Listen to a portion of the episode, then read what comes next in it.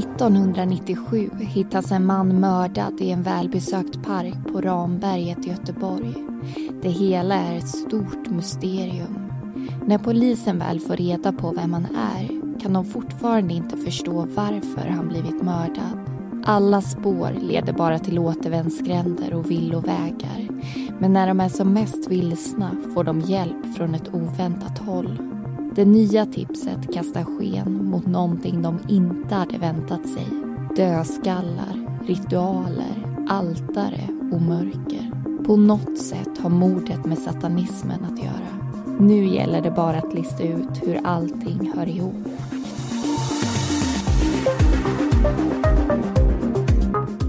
Du lyssnar på Mordpodden, en podcast om den mörka verkligheten. I veckans avsnitt berättar vi om satanistmordet.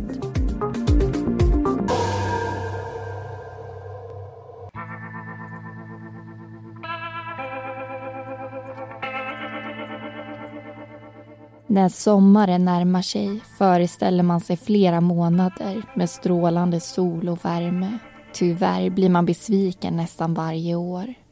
Molnen verkar ofta ha någonting att gråta för och även om det varit en varm dag ångrar man huttrande att man inte tog på sig långbyxor och jacka på kvällen. Men 1997 var sommaren annorlunda. Den levde för ovanlighetens skull upp till de höga förväntningarna och var den finaste sommaren i mannaminne. Från midsommar och ända fram till slutet av augusti bjöd den på både sol och värme. Men det var också en sommar där väldiga regn och bullriga åskväder hastigt svepte förbi över Västsverige.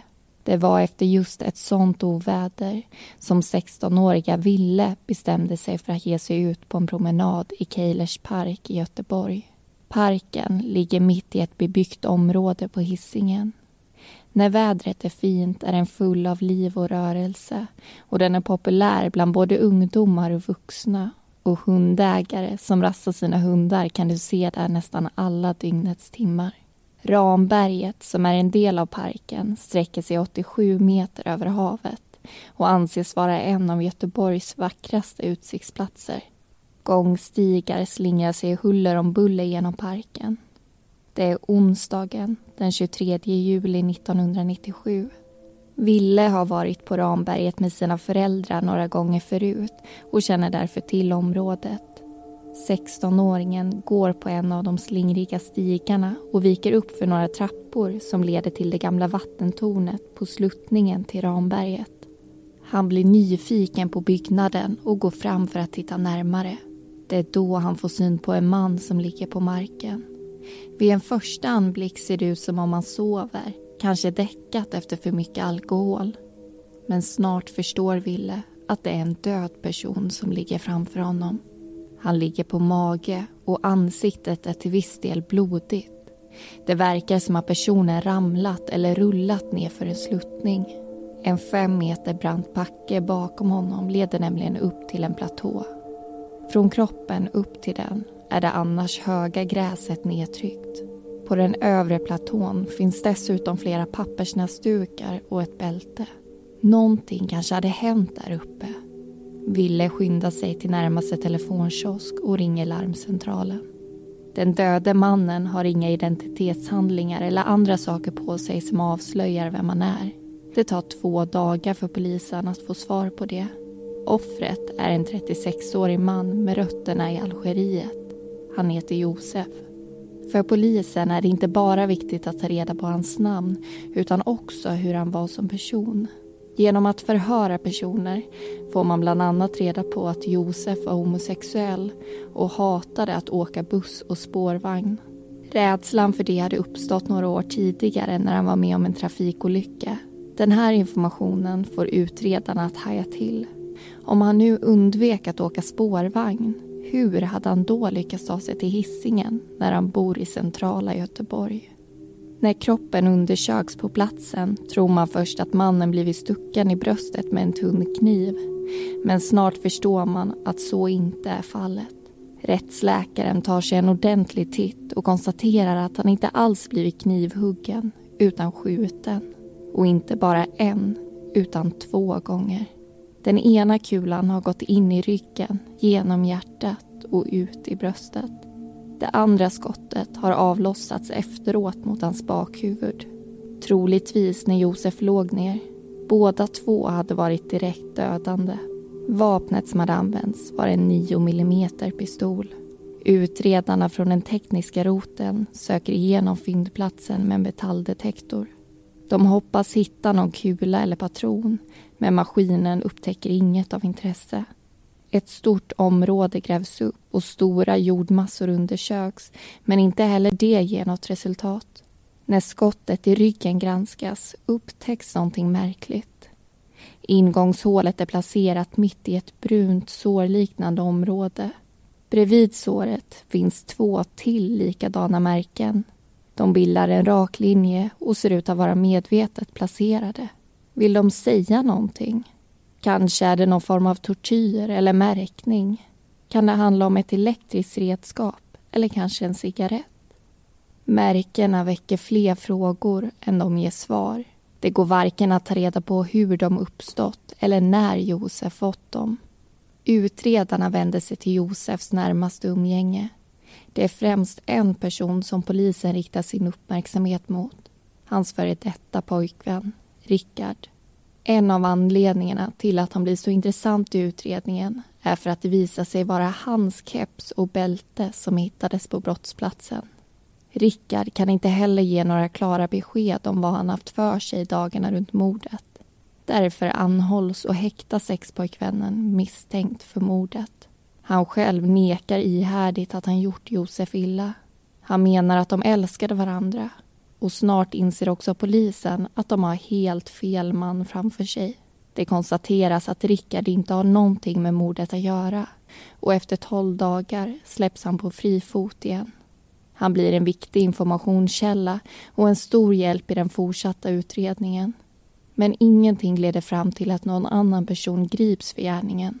Och månaderna går. Men när det känns som allra mest hopplöst kommer plötsligt nya uppgifter från ett helt oväntat håll. Det är den 15 december 1997. En kvinna vid namn Petra hör av sig till Stockholmspolisen. Hon vill anmäla sin pojkvän Ali. Hon berättar att hon är rädd för honom. Han har misshandlat henne med både saxar och knivar och hotat att han ska göra ännu värre saker. Bland annat slänga henne framför ett tunnelbanetåg och döda hennes barn som han sen skulle tvinga henne att äta upp. Petra hade förklarat för honom att hon inte orkade ha det så här men det hade bara gjort situationen ännu värre och Ali hade blivit ännu mer hotfull och aggressiv. Hon behövde helt enkelt polisens hjälp. Annars var hon rädd att hennes sista stund snart var kommen. Petra tror att hans ord mycket väl skulle kunna bli till verklighet. Hon vet vad Ali är kapabel till. Han har nämligen sagt att han dödat en man i Göteborg.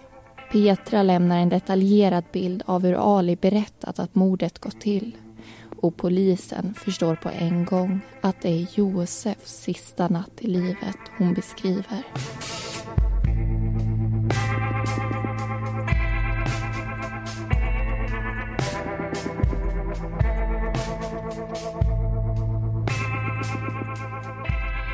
Där hörde vi första delen av satanistmordet. Och I studion är det som vanligt jag, Linnea Bolin. Och jag, Amanda Karlsson. Som kommer leda dig genom det här fallet och berätta mer här i diskussionen. Och Det är en sak som vi tänkte flika in innan vi dyker in i den här diskussionen.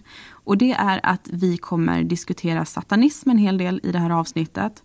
Och för att det inte ska uppstå några frågor eller missförstånd så vill vi klarlägga att det vi tar upp här det är de här människorna och den här organisationens vy av den här tron.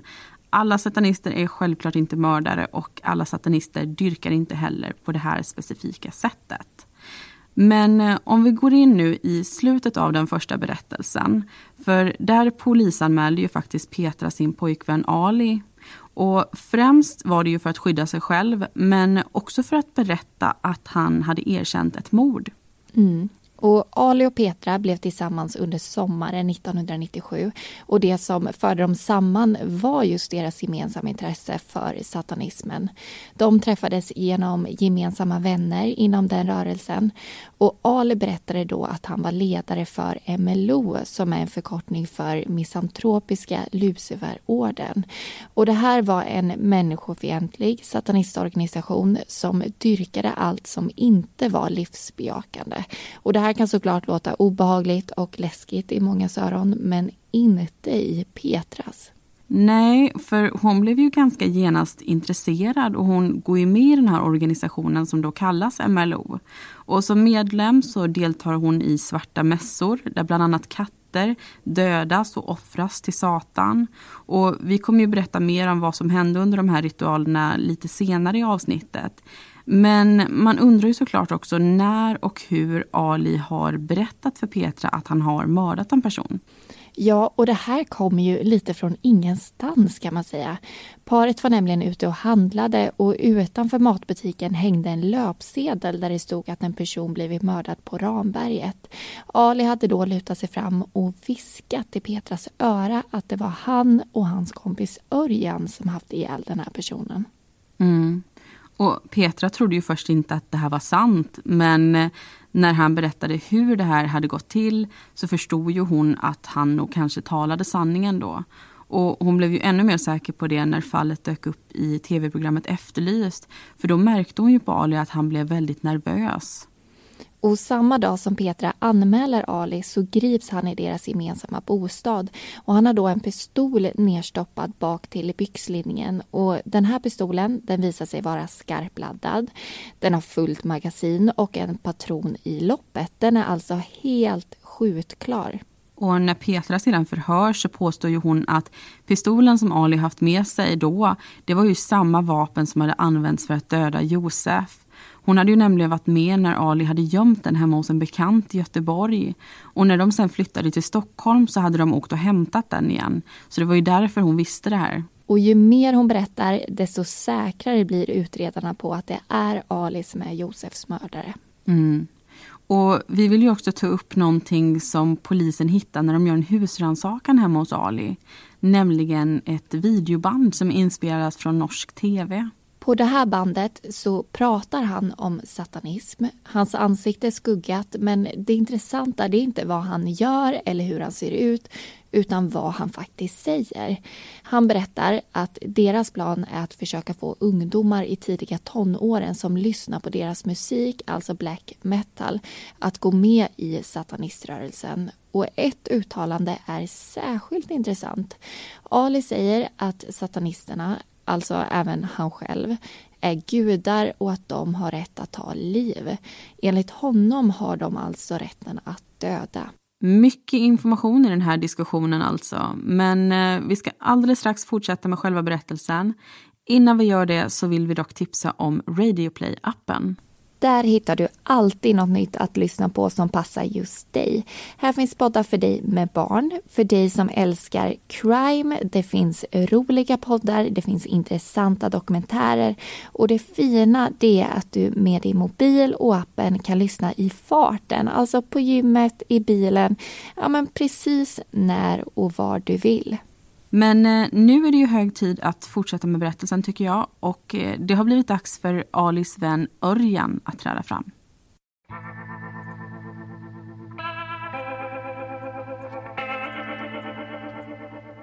Enligt det Petra berättar hade inte Ali mördat Josef på egen hand. Han hade gjort det tillsammans med sin vän Örjan. Så klockan tio på förmiddagen den 18 december 1997 grips även han i sin bostad på hissingen. Under hans säng ligger ett avsågat och laddat kulgevär. Det är långt ifrån ett traditionellt hem utredarna möter och det beror inte bara på vapnet. Bostaden är egentligen en källarlokal som har gjorts om för att likna en lägenhet. Ett av rummen är ett ritualrum ett svart altare med olika föremål som används inom den satanistiska rörelsen står uppställt mot en av väggarna. Föremål i form av blodiga knivar, en dödskalle, svarta ljus och skålar med blodliknande vätska. Alldeles intill står en nerblodad yxa med tussar av hår i äggen. Den har använts för att offra djur. Hela rummet ramas in av svarta tygstycken. Det är ett enda stort mörker. Och lite överallt finns upp och nervända kors, bilder av fantasimonster och kedjor. Sovrummet är inrett med samma känsla. Det är fullt av bilder, skrifter och föremål som rör satanismen. I en lufttrumma under taket hittar utredarna en undangömd perm. Den innehåller foton, adresser, namn och personnummer på ett tjugotal personer. Det visar sig att det är ett register på människor som hoppat av MLO eller på något sätt tagit avstånd från deras verksamhet. Utredarna förstår att det här inte är en lista på före detta vänner utan på fiender. Permen är ett sätt att märka dem. När de båda misstänkta nu är gripna påbörjas en tid av komplicerade och långa förhör. Ali berättar om vapnet han hade i byxlinningen när han greps. Han säger att han hade köpt det i centrala Göteborg av en okänd man. Men allt annat undviker han att prata om. Ali får veta att Petra redan berättat vad han sagt till henne gällande mordet. Men han väljer ändå att inte bekräfta några uppgifter. Istället försöker han vända på steken och svartmåla flickvännen. Han påstår att hon har anledning att skuldbelägga honom för något han inte gjort och att hon är psykiskt sjuk. Parallellt med förhören med Ali hörs också hans vän Örjan. Även han nekar till mordet till en början och säger att anledningen till att han hade vapen i lägenheten var att han kände sig hotad av personer som inte delade hans och Alis tro. Han berättar att det råder en fientlig stämning mellan de olika satanistorganisationerna i Sverige och rivaliteten hade trappats upp rejält under det senaste halvåret. Det cirkulerar ett rykte om att MLO tänker döda de satanister som inte sympatiserar med dem. Örjan menar att ryktet är överdrivet men att han hade skaffat vapen eftersom hoten och rädslan plågade honom. Vittnen hjälper polisen att få bilden kring satanism och MLO att klarna. Det visar sig att MLO är en väldigt liten grupp. Vid gripandet var bara Ali, Örjan och Petra medlemmar. Det hade inte alltid varit så, men många medlemmar hade hoppat av speciellt under det senaste halvåret eftersom de ansåg att verksamheten gått för långt. Flera före detta medlemmar berättar att de var rädda för MLO och främst Ali. Hej, jag Ryan Reynolds. At Mint Mobile, we like to do the opposite of what Big Wireless does. They charge you a lot, we charge you a little. So naturally, when they announced they'd be raising their prices due to inflation, we decided to deflate our prices due to not hating you. That's right. We're cutting the price of Mint Unlimited from $30 a month to just $15 a month. Give it a try at mintmobile.com slash switch. $45 upfront for three months plus taxes and fees. Promote for new customers for limited time. Unlimited more than 40 gigabytes per month. Slows. Full terms at mintmobile.com. Ingen vågade riktigt säga emot honom eftersom han hade en hotfull och hård attityd. Det är uppenbart att Ali var den självklara ledaren för gruppen. Han var karismatisk och välsignad med talets gåva. De flesta tyckte det var lättast att undvika att ge sig in i diskussion med honom. De visste att det var lönlöst. Ali hade alltid svar på tal. Om någon mot förmodan vågade säga emot eller på något sätt motarbeta eller försökte lämna MLO hamnade de i permen som utredarna hittade gömd hemma hos Örjan.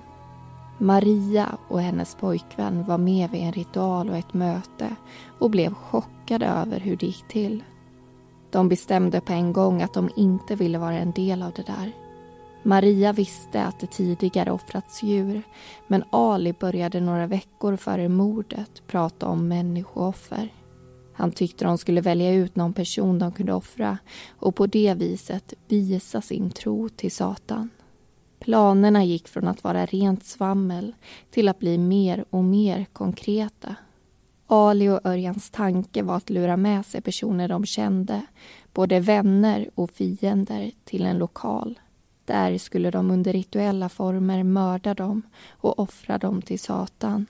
Det slutgiltiga målet var att alla sen skulle begå kollektivt självmord.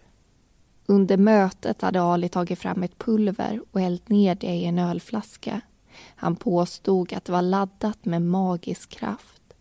Maria och hennes pojkvän hade tvekat inför att ta emot det men när Ali då ifrågasatte deras tillit till honom hällde de ändå i sig det. De fylldes av en märklig känsla de aldrig tidigare känt. Maria, som tidigare varit emot tanken på människooffer började helt plötsligt känna att det kanske inte skulle vara en så dum idé trots allt. Hon och pojkvännen gav sig för första gången in i diskussionen. Medlemmarna började planera vilka de skulle kunna offra. Men paret började efter en stund må dåligt och bestämde sig för att gå hem. I efterhand fick de grov ångest och funderade på vad det var för pulver de egentligen hade fått i sig. Det visade sig vara amfetamin. Linda hade en stark tro på Satan och de mörka krafterna och pojkvännen hade tidigare varit medlem i MLO. Men att gå så långt som Ali och Örjan gjorde den här natten var de inte beredda att göra. Trots att Maria och pojkvännen upplevde mötet som obehagligt och förstod att de hade blivit drogade deltog de ändå i en ritual hemma hos Örjan några veckor senare. Syftet med ritualen var att Petra som kommit från Stockholm skulle bli medlem i MLO.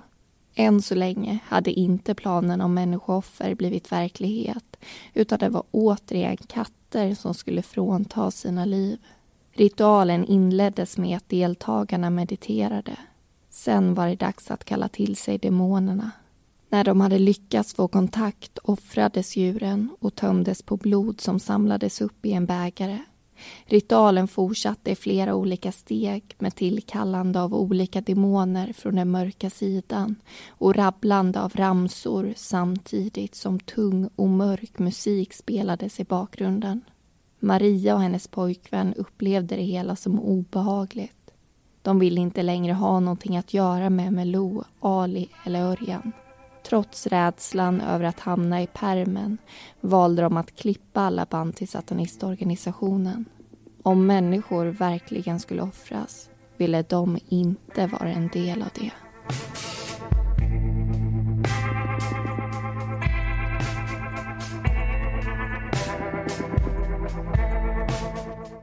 Du lyssnar på Mordpodden. I säsong 5 tar vi upp fall från Göteborg.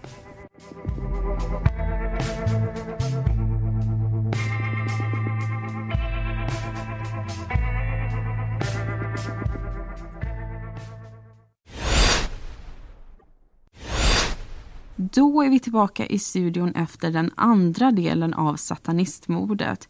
Och I den här diskussionen så ska vi ju ägna oss åt att fördjupa oss i Örjans och Alis koppling till just satanismen. Och om vi börjar med Örjan så grundar sig hans passion för den här rörelsen i musiken. Musiken den har alltid varit ett stort intresse för honom och han har spelat i flera olika band. Och varför musik han spelat det har varierat för från början var det hårdrock som gällde men sen gick det över till black metal. Och han har varit väldigt framgångsrik inom den här genren och turnerat i flera olika länder. Men själva musiken inom den här genren den är ju också ganska speciell. Mm. Den är aggressiv, den är hård, ofta destruktiv och det är ju också texterna. De handlar ofta om sex, det handlar om våld och satan. Och även skivomslagen de har ju precis samma tema. De pryds ofta av upp och nervända kors, bilder av läskiga fantasimonster och kranier. Och även bandmedlemmarnas klädsel och utseende talar sitt tydliga språk om vilka ideal som de dyrkade kan vi lägga till. Så, så det finns alltså ett helhetstänk kring det här konceptet kan man säga. Och hela Örjans tillvaro kretsade kring mörker, Satan och död. Och apropå Satan och död så berättar Örjan om en väldigt obehaglig händelse i Norge. Ja, för han har ju varit där många gånger för att besöka vänner inom just sataniströrelsen som var väldigt stor just i Norge vid det här tillfället. Och en gång så hade han ju fått höra att en ung man inom rörelsen precis hade begått självmord. Och en vän till honom hade då hittat den här mannen. Men eh, innan han ringde polisen så tog han några bitar från kamratens hjärna och skallben. Och enligt Örjan så ska han ha förvarat de här delarna ett tag för att sen koka soppa på dem. Och jag tror inte att vi behöver ge någon speciell kommentar på det. Istället tycker jag vi går vidare och pratar om Ali.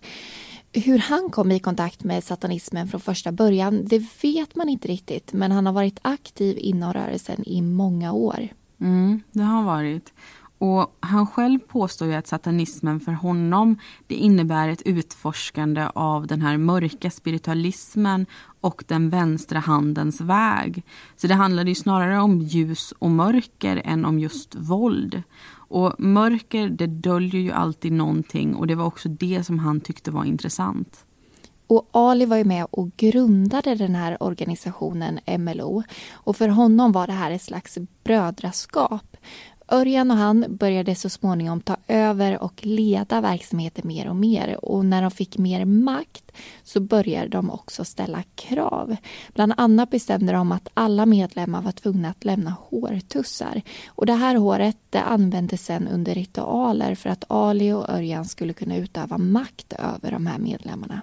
Ja, och man kan säga att syftet var att de som lämnade en hårtuss de skulle känna sig underlägsna att de skulle förstå att MLO styrde över dem och på så sätt inte kunna överge den här organisationen. Och vittnen har ju också berättat att de under ritualerna drack blod från, både från djur som offrats och från snitt som de gjorde på sig själva.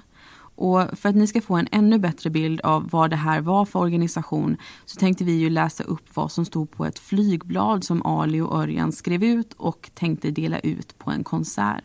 Ja, för på det här flygbladet så står det att MLO är en organisation för personer som vikt sina liv åt Lucifer Satan. Att MLO lär ut, studerar och utövar alla förgreningar av den svarta magin. Ser Satan som den starkaste symbolen för den nedbrytande och kaotiska kraften. Dyrkar och eftersträvar att bli ett med det ursprungliga kaoset och har till mål att både spirituellt och materiellt bryta ner och tillintetgöra den falska verklighet som skapas av Jehova. De föraktar och bespottar mänskligheten och ser den som dess fiende samt ser den totala förintelsen av mänskligheten som den ultimata segern. Det här var alltså ett flygblad som Ali och Örjan skrivit om MLO. Och nu tycker jag faktiskt att det är dags att få en uppklarning i det här fallet. Så jag tycker att vi lyssnar på den sista delen av satanistmordet. För eh, Örjan, han har ju någonting som han vill berätta.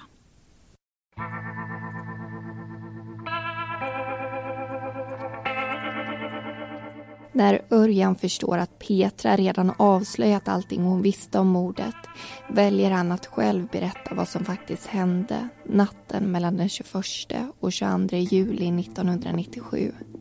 Han erkänner att han tillsammans med Ali hade mördat Josef genom att skjuta honom med två stycken skott. Det här är hans version av vad som hände. Det har hunnit bli kväll den 21 juli 1997 Örjan umgås med Ali och två andra vänner som även de tillhör sataniströrelsen. Alla har de mörkt långt hår, svarta kläder och satanistsymboler lite överallt. Det syns att de hör ihop. Och varför? De går till en pub där de beställer både öl och sprit. Killgänget fortsätter sen vidare till en porrklubb där de stannar till fyra, fem på morgonen. De har hunnit få i sig en hel del alkohol och är vid det här laget väldigt trötta. Men spårvagnarna har inte börjat gå än så Örjan och Ali fortsätter vandra runt på stan medan deras två vänner väljer att avsluta kvällen och röra sig hemåt. Under sin promenad går de förbi ett parkområde i centrala stan som är en välkänd träffpunkt för homosexuella män.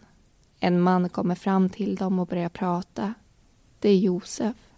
Han är nyfiken och verkar genuint intresserad av att höra deras historia.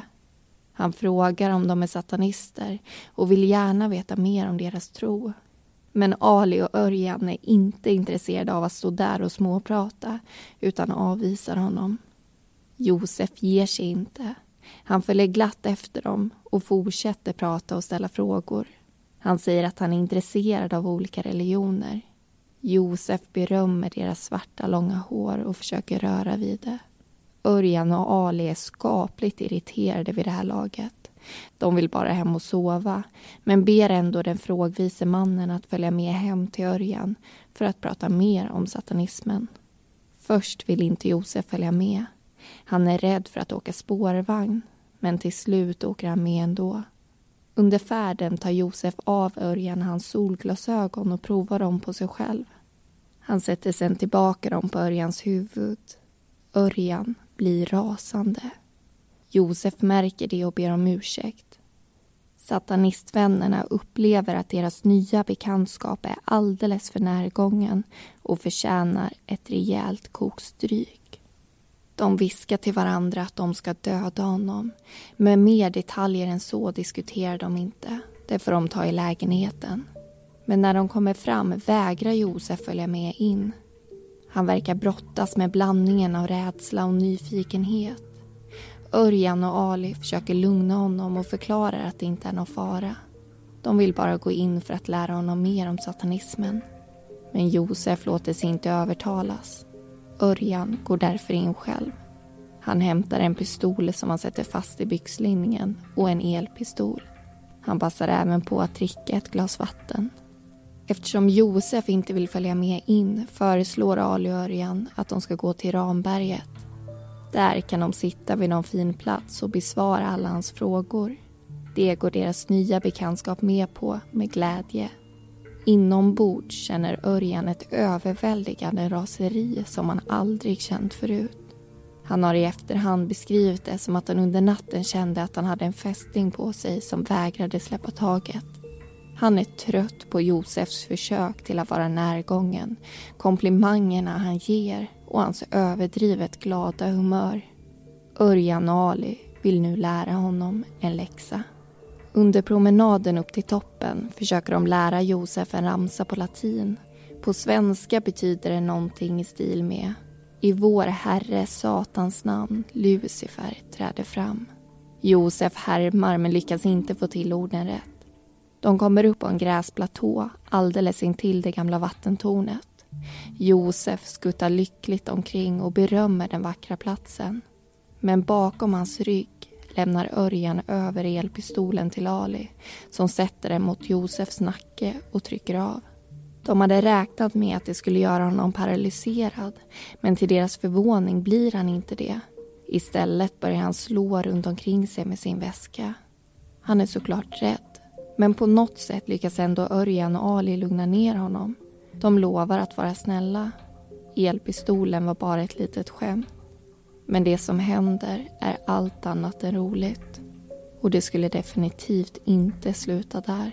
Precis när Josef blivit lugn och de har vunnit hans förtroende åker en pistol fram igen. Men den här gången är det inte elpistolen, utan den riktiga. Ali riktar vapnet mot Josef som i panik försöker springa därifrån. Enda möjligheten är att hoppa över kanten mellan den övre och nedre platån och det gör han. Men precis när han tagit ett kliv över slänten skjuter Ali iväg det första skottet. Det träffar i ryggen. Örjan och Ali går ner till den nedre platån där Josef nu ligger livlös på marken. Ali skjuter ett skott till. Sen lägger han och Örjan benen på ryggen och försvinner bort från berget som numera är en brottsplats, så fort de bara kan. Örjan menar att syftet med mordet inte hade varit att ge ett offer till Satan. Men när det väl var gjort bestämde de att det skulle bli en present till deras herre. När Ali till slut går med på att ge sin version av händelsen skiljer den sig ganska mycket från Örjans berättelse. Uppgifterna stämmer överens när det kommer till hur de träffade Josef och fick med honom till Ramberget. Men Ali menar att det var Örjan som sköt och att han själv inte hade någon aning om att vännen hade tagit med sig vapen till platsen. Den tekniska undersökningen visar dock att Örjans version är det mest troliga. Göteborgs tingsrätt dömde Ali till tio års fängelse för bland annat mord, misshandel av flickvännen, vapenbrott och brott mot griftefriden. Örjan dömdes till åtta års fängelse för bland annat medhjälp till mord samt grovt vapenbrott. Domarna överklagades till hovrätten för västra Sverige som fastställde Alis straff men skärpte Örjans till tio års fängelse. 2006 hittades Örjan död i sitt hem. Han hade begått självmord och låg på golvet i en ring av tända ljus. Bredvid honom låg en satanistbibel uppslagen. Han ansåg sig färdig med sitt liv och valde att avsluta det i enighet med satanismen.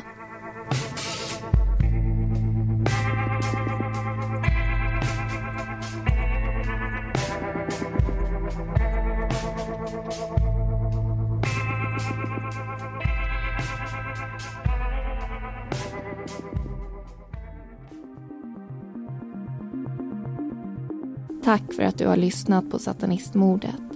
Alla personer i berättelsen förutom Josef heter egentligen någonting annat. Och informationen är hämtad från tv-dokumentären Svenska mord, Keilers park. Den nordiska kriminalkrönikan från 1999 och domarna i fallet. Nästa vecka är vi tillbaka med ett nytt avsnitt och då ska vi berätta om giftmordet.